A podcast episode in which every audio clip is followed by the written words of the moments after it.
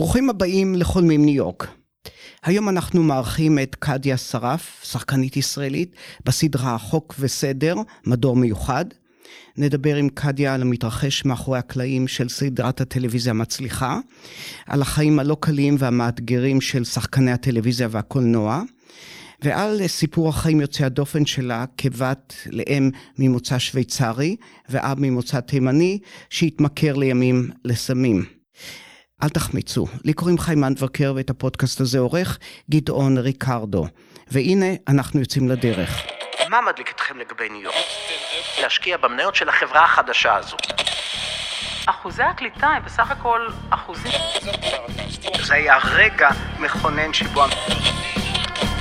למשוך מבטים של גברים עשויים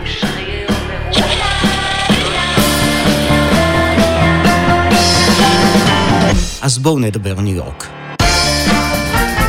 ישראלים חולמים ניו יורק, הפודקאסט של חיים הנדברקר שיספר לכם על ניו יורק כפי שאתם לא מכירים אותה.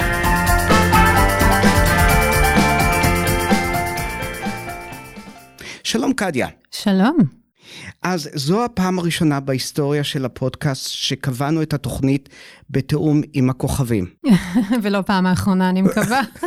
אז תסבירי לי, מה קורה כאן בעצם? למה? אה, תראה, אה, אנחנו נגיע לאן שנגיע, כן, בלי שום קשר. כן. אבל זה כמו שאתה בטיסה, ואתה טס עם הרוח או נגד הרוח, היום אנחנו נטוס עם הרוח. אז הבנתי. ג'ופיטר נמצא במזל שור, בבית החמישי של היצירתיות, אז אנחנו בטיימינג מושלם לפודקאסט הזה. בסדר, אז עכשיו אנחנו בסדר עם הכוכבים, וגם הבאת לנו ספר זוהר. כן. אז למה אני יכול לצפות? שהפודקאסט הזה מצליח באופן בלתי רגיל? בדיוק. אוקיי. אז זהו, ואם זה אכן כך יקרה, אני מבטיח לך שמעתה ואילך כל התוכניות שלנו יהיו מתואמות עם הכוכבים. יופי. יופי. אז אה, קדיה, את אה, האישה שלנו בחוק וסדר, ומה בדיוק את עושה שם? אני משחקת את US Attorney אניה אביטל. כן, אני עד עכשיו הייתי בעונות 23 ו-24. עכשיו סיימנו את עונה 24 לפני כמה שבועות. כן. וזהו, ומה את עושה שם? כל מיני. האמת שאנחנו צוחקים בסט, כי אני עד עכשיו שיחקה כל מיני תפקידים. התחילה בתור US Attorney, ואחר כך נהייתה עורכת דין. ובסיום עונה 24 בפרק הייתי גם עם ה-FBI ועשיתי raid עם ה-FBI, אז אני Jack of all trades, כמו שאומרים. הבנתי. השם של, שלך בסדרה הוא שם די ישראלי. כן, אם כי שומרים את הישראליות קצת בפרופיל נמוך, אבל זה שם מאוד ישראלי בחרו לך. נכון, נכון. עד עכשיו, נראה מה יהיה. את יודעת מה, הייתה תקופה ששחקנים ישראלים, um, התפקיד שלהם היה טרוריסטים, אז uh, במקרה נכון. שלך הם אפילו קודמו והפכו להיות לבלשי משטרה. נכון, זה התחיל ככה, דרך אגב. התחיל? את התפקיד הראשון שלי היה ב-Blindspot. כן. זה התפקיד ה-co-star הראשון שלי בארצות הברית. אה, הייתי טרוריסטית. כן, כמובן. אמ, כמובן. אה, ב-Blacklist שיחקתי פליטה סורית. כן. אמ, כן, לאט לאט התקדמתי. כן? עושה רושם שהם אוהבים שישראלים ישחקו בתפקיד ערבי, כי הם לא מבדילים הרבה בין ערבים לבין ישראלים, זה נראה להם כמעט אותו דבר. זה היה ככה לפני עשר שנים, אני חושבת שזה משתפר. כן. יש הרבה יותר רגישות סביב authentic casting, קוראים לזה, שזה ליהוק אותנטי. ואני אני מרגישה שזה משתנה. כן. שהם נהיים יותר פתוחים, כי גם הקהל הוא יותר אינטליגנטי, יותר רגיש. אה, אנשים רוצים להבין את ההבדל בין אה, ערבי לישראלי, למרות ש... טוב, אין ממש הבדל חוץ מכמה דברים, אבל אנחנו אותה משפחה. כן. שזה, האמת שזה שהם עושים לנו, שמגשרים ועושים, ורואים אותנו כאחד, זה לא דבר רע. כן. אני חושבת שאנחנו צריכים ללמוד מזה. אבל אמ, כן, זה משתפר. יש גם יותר פתיחות, אני חושב, למבטא הישראלי בחמש, עשר שנים האחרונות. בוודאי. בעבר זה היה אסון נכון, איום ונורא, ועכשיו נכון. כבר מתרגלים לזה. נכון, תראה את גל גדות. בדיוק. לא הייתה צריכה בעצם- לעשות כלום בוונדר וומן. כן, מפורצות הדרך נכון, של המבטא הישראלי. נכון. כן, ואת הפנית את תשומת ליבי, שרציתי לתת לך את התואר של הישראלית שלנו בחוק וסדר, שבעצם הייתה ישראלית אחרת. שיש, יש, עדיין. כן, בסדרה המקורית, חוק וסדר, שחזרה לאחרונה, יש את אה, אודליה הלוי, כן. שהיא אחת השחקניות הראשיות בסדרה. כן. אז יש לנו עוד כל- מייצגת. אז הנה, כבשנו את אמריקה. כן. אנחנו אוהבים לכבוש, אז כבשנו את אמריקה. אוקיי, אז בוא תעשי לנו קצת סדר עם כל הסדרות של חוק וסדר. זה נראית לי שקמה כאן תעשייה שלמה. אפשר לכלכל כאן הרבה משפחות. אז קצת למי שלא מתמצא, מי שתקוע בנטפליקס, אז במה מדובר? חוק וסדר זאת מכונה ענקית. היא כבר קיימת מעל 40 שנה. כמו שציינתי, חוק וסדר המקורי התחיל ב-1990, והסדרה נגמרה, אבל בגלל ההצלחה של הסדרות האחרות, החזירו אותה. אז יש את חוק וסדר, יש את חוק וסדר מדור מיוחד, אמ, שבו אני משחקת, ויש את חוק וסדר פשע מאורגן, שאחד השחקנים הראשיים ממדור מיוחד קיבל את הסדרה משלו. אמ, וזאת מכונה ששייכת לדיק וולף, הידוע, אחד המפיקים הגדולים בארצות הברית, שגם מפיק את FBI סיריז ושיקגו. אז לכל אחת מהם יש שלוש סדרות. אז ממש, זה אימפריה. כן, אז זו מכונה להדפסת כסף בעצם, כנראה. אה, אה, כן. אחרת זה לא היה די, קיים. די ככה, אבל יש, יש קהל, וזה נקרא procedural drama, שאנשים מאוד אוהבים, כן, אמ, ויש לזה איזשהו, איזושהי נוסחה, כן. והיא עובדת, והאמת ש... הנוסחה זה מעשה פשע, וכמה שוטרים טובים. ו- בדיוק. ופרקליטים עובדים קשה כדי לפענח אותה. בדיוק, והנוסחה הזאת פשוט עובדת נכון. יפה מאוד, באופן. יעיל. ואנשים אוהבים את הרוטינה שלהם כן. בסדרות. אז זה, זה ברשת NBC, נכון? כן, NBC ו- והסדרות האחרות ב-CBS. כן, אז ברוב, בעוד שרובנו צופים בסטרימינג, נטפליקס, אה, מקס, HBO וכיוצא באלה, אה, אז בעצם עדיין יש הרבה שצופים בטלוויזיה כמו בימי קדם. בדיוק, נכון. כן, אגב, בדרך, קדם. כן, בדרך כלל סדרות הן, הן, הן, ש- הן מקסימום שמונה עונות. אה, אני מוצא לפעמים שלפעמים שתי עונות זה מספיק כדי למצות את הסיפור, אבל אצלכם זה באמת זו השתוללות רבתי. נכון. קודם כל, תן לנו את העונות, אנחנו צריכים את העבודה ורוצים את העבודה. כן. אז אל תיקח לנו. כן, אמ, כן, אה, חוק וסדר, מדור מיוחד הוא כבר, אה, עכשיו סיימנו עונה 24, זה משגע, באמת. וזה לא דבר לקחת כמובן מאליו בכלל. זה המספרים, זה משחק המספרים, אם זה לא מכניס כסף, אז מבטלים. כן, וזו סדרה שתמיד הצליחה, בגלל שהיא מדברת על נושא מאוד חשוב, שזה אה, נושא התקיפה מינית. כן, ויש קהל, וזה עוזר להמון אנשים להתמודד עם הסיפורים שלהם, עם הטראומה שלהם. כן. אוקיי, עכשיו בואי נעבור קצת יותר אל מאחורי הקלעים. אז אה, אוקיי, איך העבודה מתנהלת על סדרה כזאת? את כשחקנית מקבלת טקסט, כמה זמן יש לך לעבוד על התפקיד שלך, איך זה קורה, איך זה מתגלגל? קצת רכילות. אמ, אז ברגע שאני מקבלת את ההצעה אה, לחזור לפרק, אני מקבלת את התסריט המלא. את בעצם שוכרים אותך לעונה או לפרק? איך זה הולך? אם זה שחקן ראשי, שחקנית ראשית, אז כן. כן, אה, אם זה recurring, שחקן שחוזר לסדרה באותו תפקיד, זה פרק-פרק. ואני מקבלת את כל התסריט אה, באותו היום שאנחנו חותמים, מהמם. ויש rewrites, אז זה כל הזמן משתנה, אבל בתכלס השלד עצמו הוא שם, הסיפור עצמו הוא שם. יש מספיק זמן לי- להתכונן ולעבוד על זה, אבל יש ימים שמגיעים לסט והטקסטים השתנו. כן, כי יש שחקן שלא יכל להגיע. עכשיו, בתקופת קוביד בכלל, פתאום שחקן אה, חולה לא יכול לבוא לסט לעבוד, אז היו צריכים לשנות. זה רישפלינג כל הזמן. אז יש לנו זמן, אבל גם, תראה, אמ, זה שריר כמו כל שריר אחר. כן. כשמתאמנים על אה, ללמוד טקסטים, זה... תוך עשר דקות אתה יכול ללמוד משהו. אני אוהבת להתכונן, אני אוהבת להיות מוכנה. ויש לך כדי גם את ספר הזוהר. יש לי נכון? ספר הזה. אוקיי. ואם הכוכבים מסתדרים לך, אז הכל בטח הכל בסדר גמור. איתי, זה האנטורז שלי. כן, אה, קצת בשביל הרכילות. אה, כמה מרוויח כוכב בסדרה, בסדרה שלכם? אם את לא יודעת, אז אה, באופן כללי. זה באמת תלוי. יש משהו שנקרא top of show, שזה מה שמשלמים לשחקן. זה בערך 10,000 עכשיו, כן, אבל שחקנים ראשיים מקבלים אני הולכת לנחש, כי זה, זה בין 70 ל-300 אלף לפרק. לפרק. אז ו- באמת תלוי. ובסיינפלד, אני חושב שזה המיליון דולר וואו, לפרק כן. בשלב מסוים. וגם חברים. וגם חברים. נכון. כן, כן, כן. כן. אז אתם עדיין לא שם. לא. לא שם, בסדר, חבל. אה, אוקיי, החיים על הסט הם בסך הכל, זו, זו עבודה בעצם, נכון? כן. אז פשוט זה המון זמן המתנה. זה צריך להיות משעמם בצורה בלתי רגילה. נכון. אני, תראה, אני מסתובב ברחובות של ניו יורק, חוק וסדר מצולם בעיר הזאת. נכון. עכשיו, אני רואה את הצוותים יושבים ומשתעממים, ופתאום משהו קורה ואז כולם קופצים. אה, אנחנו רואים את זה מסביבנו כאן בעיר הזאת. וזה נראה לי, מצד אחד זה זוהר מאוד, מצד שני, וואלה, משעמם. זה לא זוהר. לא בכלל, זוהר. לא זוהר. אנחנו צוחקים שהעבודה של השחקן זה לחכות רוב הזמן. כן, אה, אם זה לחכות לאודישן, כן, זה לחכות לכן, כי אנחנו לא מקבלים לא, לא אומרים לנו אם לא קיבלנו.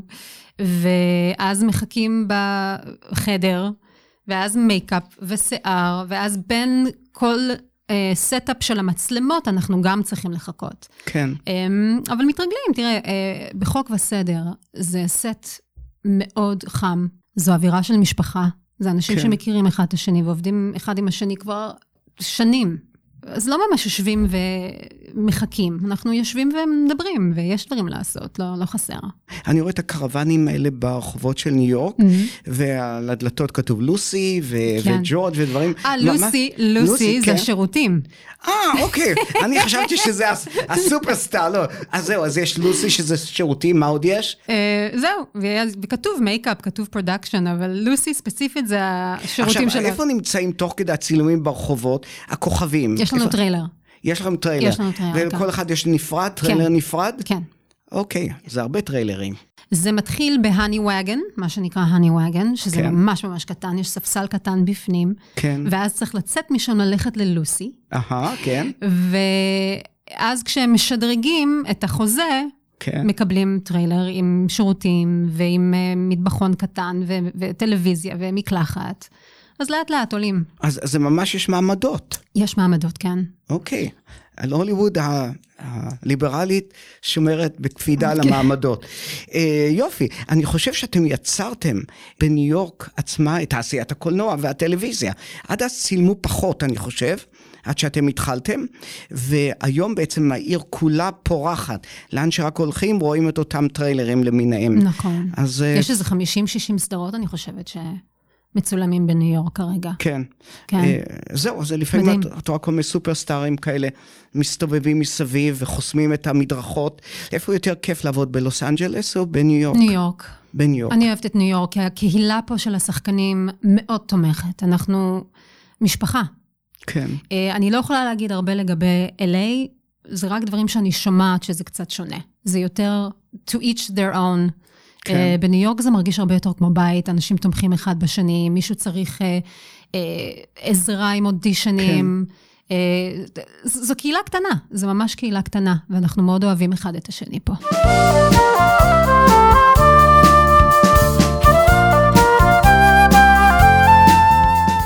אז האווירה על הסט כל כך חמה שאת גם הכרת את בעלך על הסט. כן, כן, אז נו, ספרי לנו עוד קצת. טרי משחק את זה טרי? טרי- טרי טרי- בעלי, ששמו שם המשפחה טרי שלו. סרפיקו. כן, משחק את uh, Chief of Detectives. כן. הוא שיחק, אני חושבת, ארבע דמו- דמויות שונות לפני המון שנים, באחד העונות הראשונות. כן. Um, הוא שיחק את אחד הרוצחים, אחד האנסים, זה היה בתחלופה. ובתחילת, בסוף עונה 22, רצו להציג את הדמות שלו, כן. והבן, והשחקן שקיבל את התפקיד, היה לו קוביד. והתקשרו לטרי, כי הכירו אותו, יודעים שהוא שחקן טוב ועובד טוב. אמרו לו, אתה יכול להגיע לפה מחר? אז היה תפקיד שאמור להיות רק, אה, אני חושבת, שני פרקים, והוא נשאר עד עכשיו. כי הוא בן אדם מדהים. ואנחנו הכרנו בפרק הראשון, בעונה 23, זה היה הפרק הראשון שלי. כן. ובאמצע פרס קונפרנס עם מרישקה וכל השחקנים הראשיים וטרי, ואני הייתי לידו, והוא דרך לי על הרגל, באמצע הסצנה. בכוונה או לא, לא בכוונה? בכוונה, הוא פשוט אוקיי. היה צריך לזוז כדי לתת לה מקום, והוא דרך לי על הרגל. ואמר סליחה, והוא הוא ביישן, הוא... רוב הסיכויים שלא היה מדבר איתי בכלל, לא היה מתחיל שיחה אם לא, אם לא היה צריך להגיד סליחה. וזהו, אחרי זה, בין הסצנות יצא לנו לשבת ולדבר קצת. דיברנו על אה, גלגולים קודמים ועל, אה, ועל מזלות ועל אה, על הילדים שלו, על הילדים שלי. וזהו, ואז אני הלכתי הביתה והוא חיפש אותי ממש כמו סינדרלה. ולא השארתי... עם נעל מזכוכית. לא השארתי את הנעל מזכוכית, לא, כי תראה, באתי לעבוד, לא כן. באתי ל- ל- לעס- להתחבר עם אנשים אחרים. כן. ד- בטח שלא ביום הזה, כי הייתי... זה היה היום הראשון שלי בסדרה, ואני אורחת. כן. אני מתארחת ואני הולכת הביתה. תראי, אה, הטכנאי שלנו כאן, אה, סוכי, שראיתי אותו מתמוגג, אה, הוא לא מדבר עברית, אז מותר לי לרחל עליו, הוא התמוגג כשראה את בעלך. אה, זהו, ובאמת, כן. האמת היא שהבעלך שהיה פעם עבריין, עכשיו יש לו ממש, הוא גם נראה כמו סמכותי, כמו... שיחק עבריין, בוא שיחק נראה. עבריין, ועכשיו הוא מתנהג כמו אה, ראש, אה, אני יודע, או מפקח המש- המשטרה, או שראש הבלשים, נכון. או משהו מהסוג הזה. נכון. So, אז זהו. בבית, אגב, מי מנהל את העניינים? אני, את. חד משמעית. כן, אז הוא במשטרה עושה מה שהוא רוצה בעצם בדיוק. על הסט, אבל בבית הוא זה. בעצם זה מה שהוא אמר לי לפני ההקלטה, אז הכל בסדר. יופי. יופי. תני לי קצת לחפור בעניין הזה. אז הכרת את בעלך אה, על הסט, אבל אין כאן בעיה של מיטו, אנחנו נמצאים בעידן המיטו. נו, אה, לגמרי. נו, אז מה קרה? אני. דאגתי, אני קצת דאגתי בהתחלה, כי הייתה לי חוויה בסרט אחר שהייתי בו אה, לפני כמה שנים, שבו אחד השחקנים אה, ביקש לצאת איתי, ואמרתי לא, לא, לא משהו מיטו. כן, אבל בגלל שאמרתי לא, עשו לי פרצופים, נתנו לי silence treatment. היה שם איזשהו cause and effect שממש הפחיד אותי. כן, כי פתאום הבנתי כמה שאני רגישה, כמה שאני... אמ, כן, פגיעה. פגיעה. אם אני אגיד כן, או אני אגיד לא, מה שאני לא אגיד, אני אהיה בצרות. כן, ובגלל החוויה הזאת קצת דאגתי, כלומר, אמרתי, אוקיי, אני אתקשר למנהלת שלי, דיברתי עם המנהלת שלי, נעמי, והיא אמרה לי, תראי, כל עוד זה, זה, זה בהסכם, אין שום בעיה. אה, וזהו, התחלנו לדבר, אמרתי לו, תראה, לאט לאט, צעד צעד. אני כן. לא באתי לעבודה כדי למצוא soulmate, כן.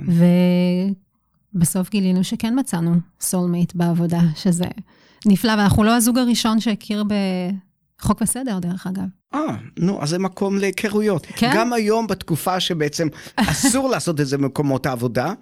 האמת היא שאני באופן כללי ככה די מתלבט מה, מה הדעה שלי בעניין הזה, כי תראי, אם אנשים מצליחים להכיר זה את זה גם במקום העבודה וזה עושה להם טוב, אז על הכיפאק. נכון. כי בעולם מורכב כמו שלנו, למצוא בן או בת זוג זה סיפור לא פשוט בכלל. נכון מאוד. אבל מצד ושוב, שני... זה צריך להיות בהסכם. כן. מצד שני, גם, אבל יש כללים וחוקים שהם באים לעשות משהו טוב, אבל הם מסבכים לפעמים את החיים. נכון. אז אה, כל, נתנו לכם, נתנו לכם להשתולל. נתנו לנו, ואנחנו באמת, אה, הגישה שלנו הייתה מאוד איטית, כן, ומאוד, אה, היינו שם, נכנסנו לזה עם כוונה, עם המון כוונה כן, ומודעות. כן. אז זה הצליח. אז בואי נחזור שנייה לסט. לי הייתה חוויה בלתי רגילה. די בתחילת דרכי בניו יורק, מישהו שהכיר, אה, שהכיר את אה, ג'ייסון אלכסנדר מסיינפלד, כן. בעצם סידר לנו קשר, וביקרתי על הסט בסיינפלד. וואו, כן. איזה זה- כיף, זה... זה- זו הייתה חוויה בלתי רגילה. ספר לי. וכמובן הרעיון המרכזי שלי היה עם אה, ג'ייסון אלכסנדר, מהמם. שהוא איש מאוד מאוד אינטליגנטי. היה כיף בלתי רגיל אה, לדבר איתו, אבל אז התחלתי לקבל את התחושות. מה מתרחש על סט. אז מה שנראה, וואו, סט של סדרה ועוד מצליחה, זו הייתה סדרה ב- די בראשית דרכה, ולדעתי מבחינת האיכויות שלה זה היה בעצם השיא מבחינתי, ופתאום את רואה את ג'וליה ואת רואה גם את סיינפלד בעצמו וזה, וכל אחד ככה נראה במצב רוח אה, עגמומי לפעמים, ומייקל ריצ'רד שהיה בכלל מטורף, אבל בסך הכל בני אדם. כן. עכשיו, אז זה נהדר לראות אותם כבני אדם, מצד שני זה, זה קצת מפוצץ את הפנטזיה. זה היה מאוד מעניין לראות את זה, וזו הייתה חוויה בלתי רגילה, שאני אה, ככה מוסיף אותה לתוך שק החוויות וואו, זה שלי. נדיר, זה נדיר כן, להיות על הסט הזה. נכון. ולגבי הפנטזיה הזאת, כן, אתה יכול לבחור לא להיחשף לזה, כדי כן. לשמור על זה, על הבועה הזאת, להיות בבועה הזאת, ברגע שנכנסים ורואים מה עובד, כיום אני לא יכולה לראות סרט או סדרה כן. בלי הפילטר, העדשה של השחקנית והכותבת והמביימת. אני לא יכולה. כן. אני פתאום מדברת עם בעלי ואני אומרת, ראית מה הם, מה הם עשו פה עם המצלמה? או מה הוא עשה? וזה בטח היה אימפרוביזציה, זה לא היה סקריפטד. אנחנו ממש רואים את זה בצורה אחרת, אנחנו לא בבועה הזאת. כן, אז זה, זה קצת הורס את, היופי בקולנוע. זאת אומרת, מה שנראה כזה עולם של קסמים, עולם מטורף לחלוטין, כן. בעצם את אומרת, את פורטת את זה לפרוטות, ואז זה כבר לא, לא אותו דבר. לא, בלו פיל או רד פיל, you נכון. choose. אה, למרות ההסתייגות שלי מביקורים על סט, אני חייב להודות שמאז הייתי בכמה וכמה אה, סטים של, אה, של שואוז. איזה? לדוגמה, הלכתי לראות את ביל מאר. אה, בטוק שואו שלו, וראיתי גם את, אה, גם אחרים, זאת, זה כיף לראות את זה, איך שהדברים האלה כן. ככה הולכים אה, ומתפתחים. הייתי ב-Saturday Night Live. וואו, זה אז, אה, כיף. נכון, נכון, כדי להגיע לסט, לבקר, לבקר בהקלטה של תוכנית כזאת, זה סיפור מההפטרה. וצריך להיות מחוברים, מקושרים, ואולי גם, גם קצת מזל, ואולי ספר הזוהר יעזור לנו. טוב. בטוח. אה, זהו. עכשיו, באחת השיחות המקדימות שלנו, את הגדרת את התחום שבו את עוסקת כיום אסל יום באסל. תסבירי, תפרטי. וואו. Um, זה תחום שכדי להצליח, אנחנו תמיד אומרים, to be an overnight, it takes 10 to 20 years to be an overnight success. כן. ובתקופה הזאת של להגיע למטרה, אנחנו תמיד יש לנו מטרה, שזה לסגור תפקיד, או כן. להיות סיריס רגולר, או להיות uh, במגזין, או לזכות בפרס, כן, יש את המטרות האלה. אבל בדרך לשם זה משהו שאנשים לא רואים. הם לא מודעים למה שאנחנו עוברים. וזה ממש יום ביומו. יש ימים שבהם אני מרגישה טוב, אני מר- מרגישה מקורקעת, אני מלאה בהשראה, אני יצירתית, אני עובדת על דברים, אמ, אני בסט עובדת, ויש ימים, ולפעמים שבועות, ולפעמים חודשים, כן. שאין עבודה. כי זה טבע התחום הזה, זה טבע העבודה הזאת. אי אפשר לדעת, גם בן אדם שזוכה באוסקר, יש, זה ידוע שיש שחקנים שזכו באוסקר ולא עבדו שנה אחרי זה. אז זאת עבודה שממש דורשת ממנו להיות מחוברים לעצמנו, להיות במקום של תפילה ואסירות תודה כל יום. ואני אומרת יום אסל, יום באסל, כי זה לא, זה לא ליניארי בכלל, זה לא מנקודה א' לנקודה ב', וזה לא קו ישר, זה ממש רולר קוסטר. ואני חושבת שהמשפט הזה ממש מסביר את זה. עכשיו, תראי, רק הרעיון הזה של ללכת לאודישנס, ובעצם להידחות, זאת אומרת, דוחים אותך הרבה פעמים. כל הזמן. אולי אפילו יותר דוחים אותך מאשר מקבלים אותך. נכון. וזה צריך להיות דבר מתסכל. נכון. וזה לא משנה אם את שחקנית צעירה, או כבר לא כל כך צעירה, זה קורה כל הזמן. נכון. צריך לפתח אור של פיל כאן. לגמרי. ולשמור על לב פתוח באותו הזמן.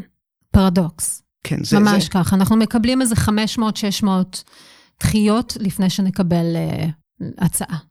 אחד הדברים היפים גם לגבי המקצוע שלך, זה שאת אף פעם לא יכולה לדעת מתי התפקיד הגדול שלך נכון. יקפוץ, ואני אני יכול לתת לך כמה דוגמאות מהתקופה האחרונה. Mm-hmm. יש את הלוטוס הלבן, נכון. ששחקנית אה, שם, שבעצם די הייתה כבר בשוליים של השוליים, נכון. ופתאום הפכה להיות לכוכבת. אני לא טוב בשמות, אז אם את זוכרת את השם. ג'ניפר קוליג', כן. בדיוק, וגם בהיורשים, Succession, mm-hmm. גם יש שחקן של האח הבכור, הקצת אידיוט, וגם הוא בעצם, הוא אפילו לא התכוון ללכת אה, לאודישן. אה, לא ידעתי את זה. זה משהו, כן, משהו כזה, זה היה בניו יורק טיימס באחרונה. וואו. ובסוף הוא הלך ו- והוא הוא משחק את, ה... את מישהו. מי ש... אתה מדבר על אה, ג'רמי סטרונג? השחקן, האח הבכור? כן, יש לנו את. אותו אה, מורה למשחק. אה, כן, חשבתי אה, אותם כוכבים. אז הנה זאת דוגמה. כן. קודם כל, אתה צודק. כן. It takes one phone call to change your life. זה באמת, אנחנו יודעים את זה, וזה משהו, זה מין מנטרה כזאת שאנחנו בתור שחקנים חוזרים על זה כל יום. אנחנו שומרים על הפוקוס ויודעים שבכל רגע נתון, המציאות שלנו יכולה להשתנות. לטוב ולרע, אבל hopefully לטוב. אבל שני השחקנים שציינת, הם שיחקו כבר שנים על גבי שנים. ג'ניפר נמצאת בהוליווד כבר מה, של- 30 שנה? כן. אה, ואותו דבר עם אבל ג'רמי. לא שמעתי, אני לא שמעתי עליה לפני כן. נכון, אז זה הקטע. אז, אז ה industry, אנחנו כן יודעים מי הם בתוך עולם הבידור. המלהקים יודעים, המפיקים יודעים, הבמאים מכירים אותם. אז הם עבדו כבר שנים על גבי שנים. והנה, takes 10-20 years to be an overnight success. אבל זה באמת, הצ'אנס הזה, זה, זה הדמות הזאת ש, שבאמת, זה ממש מתנה. וזה זה גם עניין של מזל, זה עניין של המון עבודה. אין דרך אחת להצליח, חיים, כן. אבל יש משהו שבאמת אנחנו, we have one thing in common, וזה consistency. אנחנו כל הזמן עובדים על עצמנו, אנחנו בשיעור, עובדים על דיאלקטים, אמ, שומרים על קשר אחד עם השני, אנחנו נמצאים בקהילה, אנחנו כל הזמן ביחד. ההצלחה באה בגלל העבודה, בגלל כל ה-seeds, איך אומרים? הזרעים? ההצלחה באה בגלל כל הזרעים שאנחנו שמים באדמה. כן. האמת היא שזה נכון להגיד לגבי כמעט כל דבר בחיים. נכון, נכון מאוד. זה, זה שיעור חשוב מאוד. נכון מאוד. עכשיו, תראי, הבעיה שאת מתארת היא גם אה, בעיה של שחקנים כוכבים. יש כמה וכמה כוכבים גדולים שהם כך פתאום נעלמו. לדוגמה, מג ריין, מתי ראינו אותה בפעם האחרונה? אני לא יודעת, לא זוכרת. אז, ואני מתאר לעצמי מישהו ש... או מישהי שהייתה באיגרא רמא ופתאום בבירה עמיקתא, אז אה, אני בהשראת הזוהר, את רואה? אז, אז זה ממש, אה, זו, זו נפילה אדירה. אז זה חיים עם, עם ה... של להיות בעצם כוכבת, כוכב עבר. זה לא קל. אני לא יודעת מה הסיפור שלה, יכול להיות שהיא גם בחרה בזה. אה, אבל זה תחום כזה, זה, it's, it's very unforgiving. כן. התחום הזה מאוד מאוד קשה. הוא קשה על נשים שהן מעבר לגיל 40. כן. אנחנו מאוד נלחמים על זה, נלחמות על זה עכשיו. כן. אה, לקבל תפקידים, שיכתבו תפקידים מעניינים לנשים, ולא רק, אתה יודע, טייפקאסט שכל כן. הזמן שמים אותנו בו. וכן, לא קל, אבל אני חייבת להגיד שאף פעם לא מאוחר.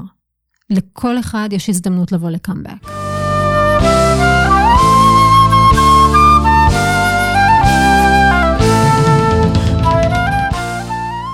תראה, אין לי שום ספק שבימאים שבעצם קובעים אה, מי יהיה בקאסט, הם עושים עבודה מקצועית. אבל גם קשרים עוזרים או לא עוזרים? בטח, בטח. איזו שאלה, ויטמין B. כן. ויטמין B? אמר- אנחנו קראנו לזה פי. אולי... P. כן. ויטמין C, כן, זה יכול ויטמין להיות. C, ויטמין C, ה-connections. חשבתי שזה ויטמין בי, פרוטקציה. ויטמין B, כן, אולי נקרא לזה. למה לא? המצאנו משהו חדש. מולטי ויטמין. כן, מולטי ויטמין זה הכל. זה את הכל, כן. אז את אומרת שקשרים וכיוצא בזה. ו... זה אה, עוזר. ו- זה עוזר, כי... אה, תראה, קשרים כי הבן אדם מכיר אותך והוא יודע כן. מי אתה מאחורי הקלעים. זה, יש, יש איזשהו אה, קשר שהבן אדם רוצה לתת לך עבודה. עכשיו, אה, את אה, גם אה, באופן מאוד ש- לא שגרתי, את כתבת גם אה, תסריט ל- אה, לכמה מהפרקים או לפרק אחד. אה, אז בעלי ואני קיבלנו קרדיט של story by, שזה אומר שאנחנו הבאנו את כל הקונספט של הסיפור, והכותבים עצמם כתבו את התסריט. זה דבר שמעולם לא קרה בעולם החוק וסדר, זו פעם ראשונה. אה, אמרו לנו גם שזאת תהיה פעם האחרונה, כי אף פעם שחקן שמשחק בסדרה לא היה כותב. אני מקווה שזה לא פעם אחרונה, כי יש המון שחקנים מאוד מוכשרים כן. בכתיבה שלהם, אה, אבל הסיפור אה, קשור לס- לשורדי התקפה מינית חרשים, כן. וזה הסיפור שאנחנו הבאנו לפרק. הבנתי. אוקיי, בוא נעבור לסיפור האישי שלך, ואנחנו חוזרים להוליווד. אוקיי. נחזור גם לניו יורק ולא נעזוב את זה, אבל צריך פסק זמן. ניוליווד. ניוליווד, בדיוק. אה, אוקיי, אז אה, אה, תראה, אני חשבתי שהשם חיים אנדברקר הוא שם מסובך. השם שלך, אה, קדיה שרף, אה, הוא לא פחות מסובך, אז תסבירי לי במה מדובר כאן. מה זה אה, קדיה- הדבר הזה? קדיה זה שם תימני, כן. ואימא שלי שהיא שוויצרית, כן. גיורת, היא מאוד אהבה את השם הזה, ובזמנו רק סבתות היו קדיה. אמ, זה שם של פרח בהרי תימן, כן. וזה גם כד השם. אה, אוקיי. כן. זה שם עברי יפה מאוד. תודה רבה. והשם משפחה שלי, סבא שלי, שבא משרעב, הוא היה שרעבי, כן. כשהם באו מתימן, אה, והוא שינה את זה לשרעף, ושרעף, זה, שרעפים זה ה- התמונות שאנחנו רואים בחלומות שלנו. כן, כן. אז זה כאילו הוא ידע שאני הולכת להיות שחקנית, תראה מה זה. וואו. הוא התאים את זה. אז איך, אה, נקרא לזה תימני פוגש שוויצרית, איך, איך זה קרה? בקיבוץ, בקיבוץ. קיבוץ אילות. בקיבוץ אילות, אוקיי. בקיבוץ אילות, אימא שלי הייתה מתנדבת עם חברה שלה משוויץ. כן. אמ, והם התנדבו והתאהבו, זה הכל. כן. רק אהבה. השוויצרית והתימני. ואיפה הם גרו בארץ? אה, ב- היא חזרה לשוויץ אה, אחרי ההתנדבות שלה, והיא כתבה לו מכתבים, הוא לא ממש ענה לך. ואז הוא נסע לשם, כי הוא היה, בזמנו הוא עבד עם אה, יהלומים, אז כן. הוא נסע לשוויץ, ולפי הכתובת הוא דפק בדלת, כן. והיא לא ענתה, היא לא הייתה בבית, ובדרך לשדה תעופה הם נפגשו ברחוב. וזה קרה פעמיים. כן. וזהו, ואז הם אה, גרו בשוויץ, אני נולדתי בשוויץ, ובקרוב לברן, כן. ואז עברנו לארץ כשהייתי בת ארבע, לגליל. לגליל. כן, וואו. מ- מירוק לירוק. וואו, איזה מסע. ואיפה בגליל? במושב שכניה, בגוש שגב, אתה מכיר? לא. ליד יודפת, אתה בטח מכיר את יודפת? כן, יודפת מכיר, כן. גוש שגב. והייתי בבית ספר, קר... אה, בית ספר משגב. הבנתי. אז, אה, אז החיים נשמעים פסטורליים למדי. מאוד, מאוד. זה גן עדן לילדים ו... ובעלי חיים. אגב, אה, את מדברת על החיים שלך בשוויץ, ואני דווקא ראיתי סדרה בחייפליקס, שזו אפליקציה לסרטים בנושאים יהודיים, ויש להם גם סרטים מישראל, ויש שם סדרה שעוסקת בדיוק בנושא של אנטישמיות בשוויץ, אה, וואו. בתקופת מלחמת העולם השנייה, בעצם אחרי מלחמת העולם השנייה. ואת בעצם רואה עד כמה המדינה שנחשבה לניטרלית, ניטרלית, כן. בסופו של דבר הייתה שם אנטישמיות חזקה מאוד, ובעצם הם שימשו הבנק, הבנק של הנאצים. וואו. ו- ולימים, כאשר יהודים הצליחו להיכנס לתוך המדינה הזאת, היה להם שם קשה מאוד, כי ה- ה- ה- הרקע אמ, האנטישמי היה מאוד מאוד חזק. כן. ואז סיפרת לי שבשלב מסוים אביך התמכר לסמים. הוא. התמכר כבר בנעוריו. כן. אה, אבל זה היה בשליטה, אני עושה quote unquote, שליטה. וכשאימא שלי ואבא שלי הכירו גם אז, שניהם חשיש, דברים כאלה, לא דברים אה, מאוד כבדים. ואחרי שאני נולדתי, אימא שלי הפסיקה עם הכל, ואבא שלי התחיל, ההתמכרות התדרדרה. כן. ואני הייתי בת 16 כשהוא התנקה, ממש היה לו אוברדוז. הייתה לו דלקת ריאות, והרופא הגיע הביתה, נתן לו תרופות, לא ידע שהוא על משהו אחר, על מתדון, אני חושבת, בזמנו. איפה זה היה? בארץ? בשוויץ. בשוויץ, כן. כן, חז... עברנו לשוויץ בגיל 14, כי אימא שלי רצתה להרחיק את אבא שלי מ... מהחבר'ה שלו. כן. והיא לא ידעה בזמנו שזה לא עובד. לא מרחיקים אה, את הבן אדם מההתמכרות, ההתמכרות באה עם הבן אדם. ובגיל 16 היה היום הזה, וזה היה ביום הולדת שלי, ביום הולדת 16 שלי, והרופא אמר לו, תראה, יש לך שתי בחירות פה, או בית קברות, או ריהאב. והוא היה בריהאב תשעה חודשים, כן. ונקי מאז יום ביומו. כן. אז ממש איך את מתנה. חושה בבית? בת כמה היית כשהוא היה מכור? כשהוא היה בשיא ההתמכרות? מאז שנתיים, שלוש, ארבע, אני זוכרת באופן מאוד ברור, הייתי יושבת שם והייתי רואה, הייתי רואה אותם משתמשים, את אבא שלי והחברים שלו בזמנו. אז כשאת כן. רואה בעצם את הרגעים הקשים, את- שאת חלק מהרגעים הקשים של אבא שלך, מה, מה זה עושה לילדה צעירה? איי, שאלה טובה. אה, עכשיו, אחרי שאני עשיתי כל כך הרבה עבודה עצמית, ונגעתי במקומות האלה, אני יכולה לראות באופן ברור את הלינק של חוסר אהבה עצמית, חוסר ביטחון עצמי, עם להיות בת של מכור. כי אבא שלי, דרך אגב, הוא אחד ממייסדי אה, מפעל אה, סופלקס. אתה מכיר את סופלקס? הוא אחד משלושת המייסדים. הוא עבד, הוא עשה כסף, כן. הוא תפקד, אף אחד לא ידע, ורק אנחנו ידענו. שזה אומר, מבחינה רגשית הוא לא היה... כשבן אדם צריך את ה fix, הוא לא ממש נמצא שם מבחינה רגשית. ובתור ילדה, היה שם משהו שהוא יותר חשוב ממני. והצורה שזה השפיע עליי לאורך השנים, זה שחיפשתי את ה validation הזה, חיפשתי שנתתי את כל הסיבות בעולם כדי לקבל אהבה, שזה ל- ל- תואר, תואר בהנדסה ותואר בפסיכולוגיה, וכל הדברים שרק אה, ייתנו לאנשים סיבות לקבל אותי ולאהוב אותי. זה כאילו מה שאני הייתי לא היה מספיק. ואני חושבת ש... וואי, זו באמת שאלה טובה. זה, זה ה-through line, זה ממש הקו שבכל תחום בחיים שלי, שזה במערכות יחסים ובעבודה, ואפילו בתור שחקנית. הימי אה, באסה האלה שדיברתי עליהם, זה הימים האלה שאני אומרת, האם אני מספיק טובה? האם אני צריכה אולי אה, להיות, להיראות יותר, אה, לא יודעת מה, שהאנגלית שלי תהיה בלי מבטא. אולי אני צריכה להיות, אלופת מרשל uh, ארטס שוב, אולי אני צריכה לדעת את הסקילס האלה, כל מיני דברים שאני חושבת שאני חייבת ללמוד, ושיהיה לי על הקורות חיים, כדי לתת סיבות שאנשים יראו מי אני. ו- ואני קולטת, כרגע אני קולטת את זה מן הסתם, זה תוך רגע אני מבינה שזה מה שמשתלט עליי, ואני יודעת איך לנטרל את זה ולהגיד, אוקיי, הכל בסדר, הגעת לאן שהגעת לא בגלל מה שעשית, אלא בגלל מי שאת. עכשיו, את היית במצב הזה עם אבא שלך, ואני מתאר לעצמי שגם אמא שלך הייתה במצב קשה בגלל זה, mm-hmm.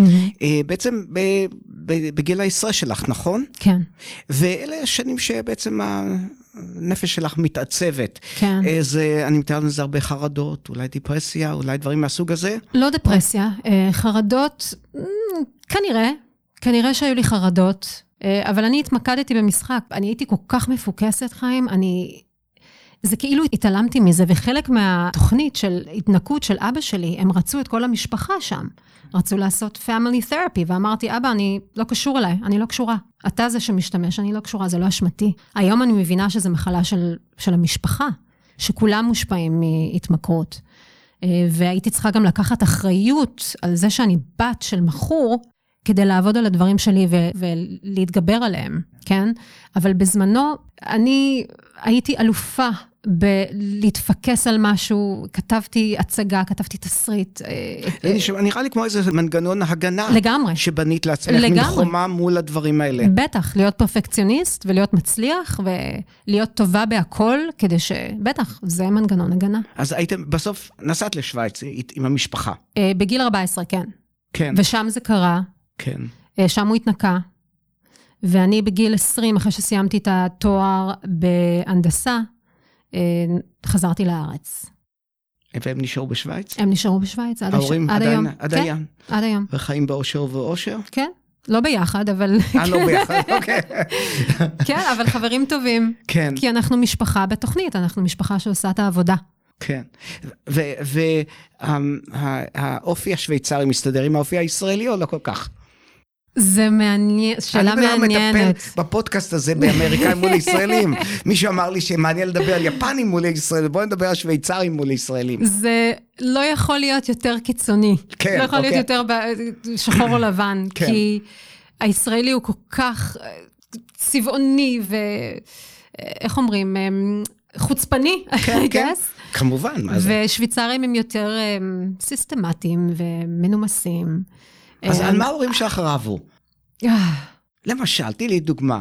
ואם זה לא יהיה מספיק טוב, אני מבקש לא ממך עוד דוגמה. אני לא זוכרת, מה, את לא לא זוכרת על מה לא- תראה, אני זוכרת שהמריבות היו על על ההתמכרות, על ה... כן. לא, לא, שלא היית בזמן לארוחת ערב. אה, לא, או ממש לא. שעון שוויצרי, לא? תראה, ה- שני ההורים שלי היפים במקור, כן? אוקיי, אז- עכשיו אני מבין מה קורה כאן. אה, בסדר, אני לא אשאל אותך היום, את נזהרת מסמים ודברים מהסוג הזה? לא נוגעת. לא נוגעת גם לא שותה. לא שותה, מי לא, טו, מי כן. אני מהמי טו גם, אוקיי. בדברים האלה. את לא מספרת. לילדים על הדברים האלה, אני מתאר בטח, לעצמי. אנחנו מאוד פתוחים. אנחנו כן. מאוד מאוד מאוד פתוחים בנושא הזה. כן, אמ, הילדים שלי יודעים, כן. יש כן. התמכרות במשפחה, לא משחקים עם זה. נכון. טוב, אה, יש עוד משהו נחמד במשפחה שלך. את עובדת, אמרת לי, על תסריט כלשהו שקשור לסבתא שלך. סבתא רבתא שלי. כן, יותר שושנה. כן. אז ספרי לי על שושנה, מה את יכולה להגיד לי עליה? היי, אז כרגע זה בפיתוח, יש כן. לנו את הדק, אה, המנג'ר שלי, המנהלת שלי עכשיו מחפשת אה, לזה בית, כן. כדי שנוכל להפיק את זה. וזה על הסיפור של סבתא רבתא שלי ואיך שהיא הצילה את שבעת ילדיה, היו לה תשעה, אבל אה, שניים נפטרו. כן. שבעת ילדיה מחוק היתומים בשנות ה-20, 30 ו-40 בתימן. כן. לא יודעת אם שמעת על חוק היתומים, שיתומים יהודים, אה, אסלמו אותם.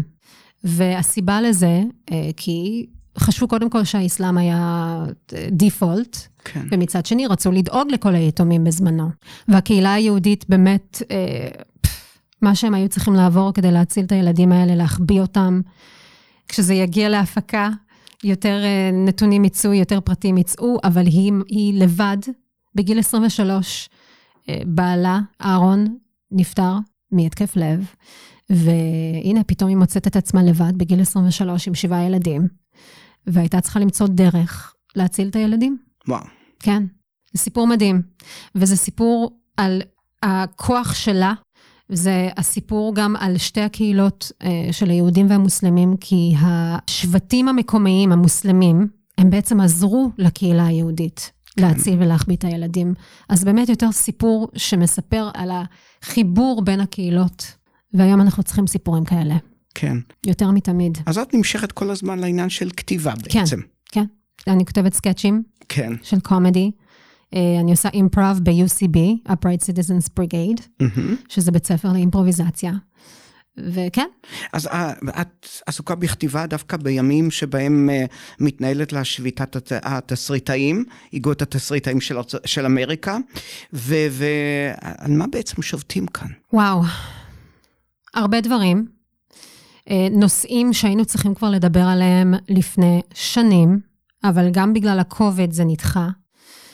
יש כמה דברים, אני לא אכנס לכולם, אבל הדברים העיקריים הם שמאז שהסטרימינג תפס תאוצה, יש את נושא התמלוגים, כן. ה- residuals. לדוגמה, ב network, בתור שחקנית, אם אני משחקת בפרק, כל פעם שהפרק הזה משודר, אני מקבלת על זה תמלוגים. הסטרימינג, אין את הגישה לנתונים האלה של כמה אנשים צופים בסדרה. ולכן הם לא מקבלים, לא הכותבים ולא השחקנים, שכנראה גם אה, ישבתו בקרוב, לא מקבלים residuals, לא מקבלים תמלוגים. זה דבר אחד. תראה, בתכלס, בוא נדבר על ה- umbrella problem פה, זה קפיטליזם.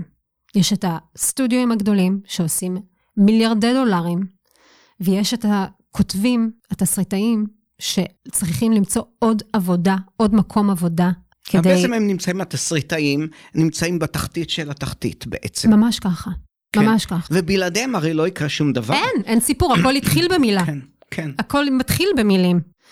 זה, זה תופס תאוצה כרגע, יש המון איגודים שתומכים גם באיגוד של התסריטאים עם השביתה הזאת. אה, יש גם את נושא ה-AI. בוא נדבר על ה-AI, וכמה ש... מה הסיפור עם ה-AI?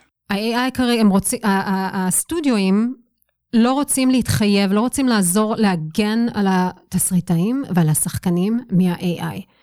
הם רוצים את האפשרות להשתמש בזה איך שהם רוצים. הרעיון הוא שבעתיד בעצם התסריטים ייכתבו, ייכתבו על ידי בדיוק, ה-AI. בדיוק. אז הם רוצים כן. לשמור על האופציה הזאת. כן, עכשיו, בינינו, איזה איכות, אין לזה נשמה. כן. אה, AI לא יכול אה, לכתוב תסריטים וסיפורים שמזיזים אותנו, שפותחים לנו לפחות את לא הלב. בשלב הזה. נכון. כן. נכון, וגם בתור שחקנים יש את הבעיה שהם רוצים לקחת את ה... תום הנקס דיבר על זה, הוא אמר, אני, אחרי שאני אמות, הם יעשו עוד סרטים איתי. עם הפנים שלי ועם הקול שלי. ואנחנו, תראה, זה, זה, זה כוח חיובי, אבל גם יכול להיות מאוד הרסני. כן. אז יש חוקים סביב כן. זה. אנחנו רוצים חוקים, רוצים הגנות, אה, וגם מה שהתסריטאים והשחקנים מבקשים, חיים, זה לא, באמת, it's common sense. זה כן. דברים מאוד מאוד בסיסיים, ואני מאוד מקווה שנקבל אותם. אנחנו כן. עכשיו בשבוע הרביעי. עכשיו, כשאת משווה את, ה, את מה שמציגים לנו בטלוויזיה לעומת הסטרימינג, איך את יכולה מ- מזווית הראייה שלך, איך את רואה את זה? מבחינת החוויה כשחקנית? אה, כשחקנית, אה, מבחינת המוצר שהקהל מקבל. תראה, network אין אה, קללות, אה, יש הרבה יותר סנסורינג, כן. כן, יש סנסורשיפ. מנסה להגיע אולי לקהל, למחנה המשותף הרחב יותר בעצם, הסטרימינג? ב- בטלוויזיה. כן, כן, כן. אה, אז, אז ה networks מנסה להגיע ל- לכולם. כן. בסטרימינג יש לך סיפורים יותר ספציפיים, יש הרבה יותר international, בין, סיפורים בינלאומיים. כן. אה, בתור שחקנית אין ממש הבדל, אה, יש את עניין התשלום, שזה ההבדל הגדול. אז כסף בסוף. מקבלים פחות, כן, וגם אין את התמלוגים. כן, כמובן. אמ, כישראלית שחיה כאן, את בטח צופה בסדרות וסרטים ישראלים. מה דעתך על זה? אוי, אני אוהבת את הקולנוע הישראלי מאוד. Um, וואו, אני מאוד מאוד אהבתי את אורי ואלה. נכון. וואו, איזה זה גאוני. ב-HBO אם אני לא טועה. איזה, איזו סדרה גאונית, באמת, כל כך, אני פשוט לא יכולתי להפסיק לצפות בזה. שטיסל אני אוהבת, אני מאוד אוהבת את פאודה, אה, כי אני אוהבת אקשן. זה התחום שלי, האקשן. אה, תראה, זה גם תחום שמאוד מתפתח. איך את מסבירה את ההצלחה של הסדרות אה, הישראליות? הרי כשהיית נערה. אמ, הסדרות הישראליות, אני לא בטוח שהיו סדרות, אבל זה לא היה מי יודע מה, ומשהו קרה יש לך מושג מה קרה בעצם לכתיבה הישראלית, למשחק הישראלי? אני חושבת שהקהל השתנה. מן הסתם האיכות של הכתיבה, האיכות של ההפקה עצמה, כל זה השתנה הרבה, אבל גם הסיפורים, תמיד היו מעניינים, הסיפורים מישראל. כן. תמיד היו מעניינים. היו מלאים בשכבות, בצבעים, ב-cultures, בתרבויות שונות. אה, וגם החוויה של מדינה כל כך צעירה, ומה עברנו ולאן הגענו. וזה חשוב. כן, בישראל יודעים לספר סיפור. ולא לא, לא להפיק אה, תוצאות, אתה אומר? זה אני לא יודע, אני מדבר על סיפורים. כן, אבל אני חושבת שגם הקהל השתנה. אתה שואל באמת מה, מה השתנה. אני חושבת שהקהל השתנה. כן. פה בארצות הברית, אנשים, או בכל העולם, אה, מעוניינים לשמוע, מעוניינים לצפות ולשמוע, ולראות, ולצפות בסיפורים.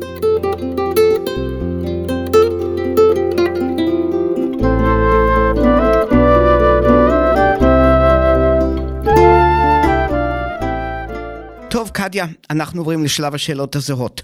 מה את אוהבת לגבי ניו יורק? הכל, הכל. את האנשים, את הרעש, את הצבעים, את האוכל, את התרבויות השונות. אה, זו עיר שלא קל להיות בה, דרך אגב. היא מאוד קשה. כן. אבל ברגע שהם מרגישים בבית, זה... אני מאוד אוהבת את ניו יורק. מאוד. יופי. ויש איזשהם מקומות ספציפיים שאת ממליצה לבקר בהם? יכול להיות מסעדה, פארק, אה, גינה קטנה, חנות ספרים. כן, אני אוהבת את Strand Bookstore, אני מקווה שהיא תישאר פתוחה. הנה, היא בברודוויי. יוניון סקוואר אני מאוד אוהבת. וכל- והשוק שם כמובן. השוק, נכון. ואת כל המסעדות הטבעוניות בעיר. מקום ספציפי, או שאת רוצה לשמור לך את זה כסוד? תכתוב ויגן, וגן, תמצא בסדר. מקום טוב, כן. בסדר גמור. אגב, את ב- באה מעולם המשחק, אז אה, האולפן ברחוב 39, כן. בין השביעית לשמינית, וממש מול האולפן יש לנו כאן, אני חושב, את אחת החנויות החשובות ביותר של תסריטים. תסריטים ו, אה, ובעצם הצגות, את ההצגות עצמן, את הדרמות עצמן. וזו חנות הדרמה אחת החשובות ביותר בעיר הזאת. אז אם אתם אורחים בפודקאסט הזה, תמיד כדאי ללכת לבקר שם. נכון. זה, מאוד, זה מלא באנשים כל הזמן, ו, וזה מעניין לראות שגם בעידן כזה, שהכל הוא על, על הטלפון, שבעצם הרבה מאוד אנשים, כולל הרבה מאוד צעירים, באים כדי, כאלה שלומדים תיאטרון וקולנוע, mm-hmm. באים לשם כדי, נכון. כדי לגעת בנייר, לקנות את זה. וכמעט סגרו את החנות הזאת, דרך אגב. נכון. אנחנו נלחמנו על זה. נכון. ממש, ממש נלחמנו על זה, וכן, הייתי שם כמעט כל יום בזמן שלמדתי בסטרסברג. כן, ואז אני חושב, מי שאמר לי שלין מנואל מירנדה, זה היה השם, Mhm, כי אמרתי כן. לך, אני גרוע בשמות, כן. ובעצם הוא הפך להיות שותף שם, נכון. והוא גם הפנים של החנות הזאת. נכון. זה, וזה גם חלק מהיופי בניו יורק, באזור הלא מי יודע מה, שבו האולפן הזה נמצא. זאת אומרת, יש משהו מדליק. כן. וזה זה מאוד אופייני ל- לעיר הנהדרת הזאת. נכון. אה, אז בתור אחת שאוהבת הכל בעיר הזאת, יש מה שאת לא אוהבת? אני לא אוהבת את החורף הקפוא, ששלג. הופך להיות אה, שלג חום. כן. אה, אני לא אוהבת את הריח לפעמים, אני חושבת אה, שחשוב לציין. כן. אה, כן, לפעמים יש ריח של שתן באזורים מסוימים, זה כן. קורה, זה... לא רק לפעמים, בוא נגיד. רק לא לפעמים, אני כן. בסאבווי הרבה. זה- זה הניחוח, אפשר למכור את זה בתור... אה, כן, בקופסה. בקופסה, כן, ממש ככה לקחת. בבקבוק. ונגיד, מה כותל בירושלים, לא, זה, אני הסתבכתי כבר, כבר הסתבכתי. טוב, אנחנו עם ספר הזוהר, הזה פותר לנו את כל החטאים שלנו. אה, ויש לנו גם נוהג לאפשר לאורחים לשאול אותי שאלות. יש לך משהו לשאול אותי? הייתי רוצה לדעת מה מרגש אותך עם, ה... עם מי שמתארח אצלך. מה, מרג... מה מפתיע ומרגש אותך אצל אנשים, אצל, אצל, אצל ישראלים בניו יורק? אוקיי, בואי נדבר על מי שמגיע לתוכנית הזאת. אז תראי, אנחנו מדברים על הרבה נושאים רגישים כאן בפודקאסט הזה, Mhm. ואני אמרתי לעצמי שאני רוצה להביא כאן לתוכנית הזאת אורחים, ולא לדחוק אותם לפינות, יחד עם זאת שגם יספרו לי סיפור. ולספר סיפור זה דבר, דברים אינטימיים, מאוד סגורים לדוגמה. את דיברת היום על הנושא של הסמים של אבא שלך, זה, זה סיפור שאת גוררת אותו, וגם עם דברים בסדר עכשיו זה דבר שאת גוררת אותו. אז אפשר, ראשית אני מאמין ש, שאפשר לדבר על דברים גם בצורה פתוחה, גם בלי לדחוק אנשים לקיר. נכון. והם עושים את זה מכל הלב. והרבה פעמים אני רואה שאנשים צוחקים כאן, מתרגשים, אה, מדברים מהלב. Mm, ממש מדברים מהלב. mm. ו... אתה גם מאפשר להם, רק שתדע. זה... או, תודה. כן. אומרים לי את זה, ואני כן. רואה את זה כמחמאה גדולה מאוד. וגם מדברים מהקרביים, שזה גם קצת שונה מהלב. אנחנו בענייני רפואה עוד מעט. אה, ויש דבר נוסף, כשהתוכנית הזאת נגמרת, כולם, אני רוצה להגיד כמעט כולם, כי אני כעיתונאי יודע שאין דבר כזה, כולם, אנשים יוצאים מכאן עם חיוך על הפנים. וזה נותן לי תחושה של אה, סיפוק בלתי רגיל. Mm. אז זה הרגע שחבל שאני לא יכול לצלם אותו, ו... ואולי צריך לעשות את זה, של לנסות לתפוס את האנשים שבעצם אנחנו מכבים את המיקרופון ואנחנו מחייכים זה לזה. אחלה רעיון. אז אה, זהו. אז, אה, בוא נעשה את זה. קדימה, קדימה, נביים את זה. יש את המצלמות. כן, כן, יש לנו מישהי שתכתוב לנו את התסריט, לא צריך תסריט, זה ככה. לא, עכשיו אני לא יכולה לכתוב, אנחנו בשביתה. כן, בסדר, לא, בסדר גמור, אני לא חבר האיגוד. אוקיי. טוב, תודה לך, קדיה, שהיית איתנו היום, ותודה גם לכם, המאזינים והמאזינות, שהקשבתם. ואנא שתפו את הפודקאסט עם כל מי שחולם על ניו יורק, גם בישראל, גם בשוויץ, גם בתימן, וכמובן תעשו subscribe בערוץ בו אתם מאזינים לנו, בספוטיפיי, Apple Podcast, Amazon Music, Google ואחרים, וכמובן, נשמח לשמוע גם מכם. תודה לך, קדיה. תודה שאירחת אותי, תודה רבה. זהו, והנה את מחייכת. גם אתה. נכון, את צודקת, זה הרגע. להתראות. ביי. ביי.